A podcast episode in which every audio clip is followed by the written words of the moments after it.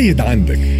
قيد عندك نحكيو على فتح باب التسجيل مجددا لتلاميذ السنة الأولى آه، من التعليم الأساسي. هذا ما أعلنت عليه وزارة التربية. donc يتم فتح باب التسجيل عن بعد للسنة الدراسية 2021 2022 à partir من نهار الخميس 9 آه، سبتمبر على الساعة الواحدة بعد الزوال لتلاميذ السنة الأولى من التعليم الأساسي الجدد من مواليد 2012 2013 2014 و2015 اللي تخلفوا عن التسجيل. donc إذا كان ما قيدوش التلامذة هذوما تتواصل عملية التسجيل التسجيل حتى لنهار 3 14 سبتمبر 2021 وهذا على le site www.inscription.education.tn donc بالنسبة للتلامذه اللي تخلفوا عن التسجيل نحكيو هنا على السنة الأولى من التعليم الاساسي ينجموا حتى لنهار 3 14 سبتمبر sur le site www.inscription.education.tn ينجموا يقيدوا وهني تدعو وزارة التربية كافه اولياء تلاميذ السنة الأولى جدد إلى دفع معلوم الترسيم. donc ينجموا يسوغ بالنسبة للناس اللي تخلفوا عن التسجيل تسجيل التلاميذ الجدد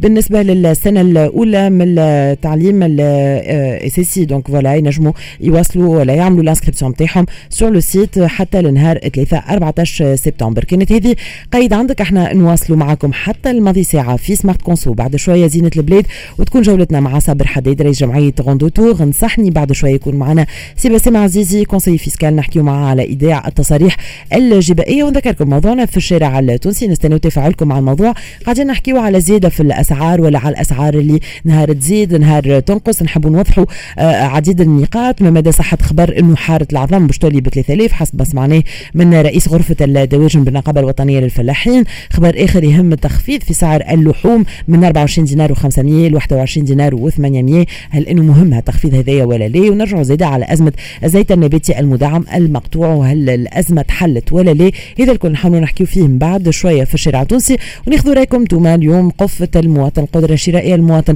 الأسوام اللي تتبدل آه، بصفة فجئيه بصفة غير معلنة. رأيكم في هذا الكل. نستناو تفاعلكم مع الموضوع في الشارع التونسي à partir من نص نهار في ساعتنا الثانية في Smart Conso مرحبا بتليفوناتكم على 71 725 ألف 71 725 ألف. خليكم معنا فاصل قصير بعد شوي موعد أخبار ل 11 ونص ونرجع نكملوا معكم حتى الماضي ساعة في Smart Conso على Express FM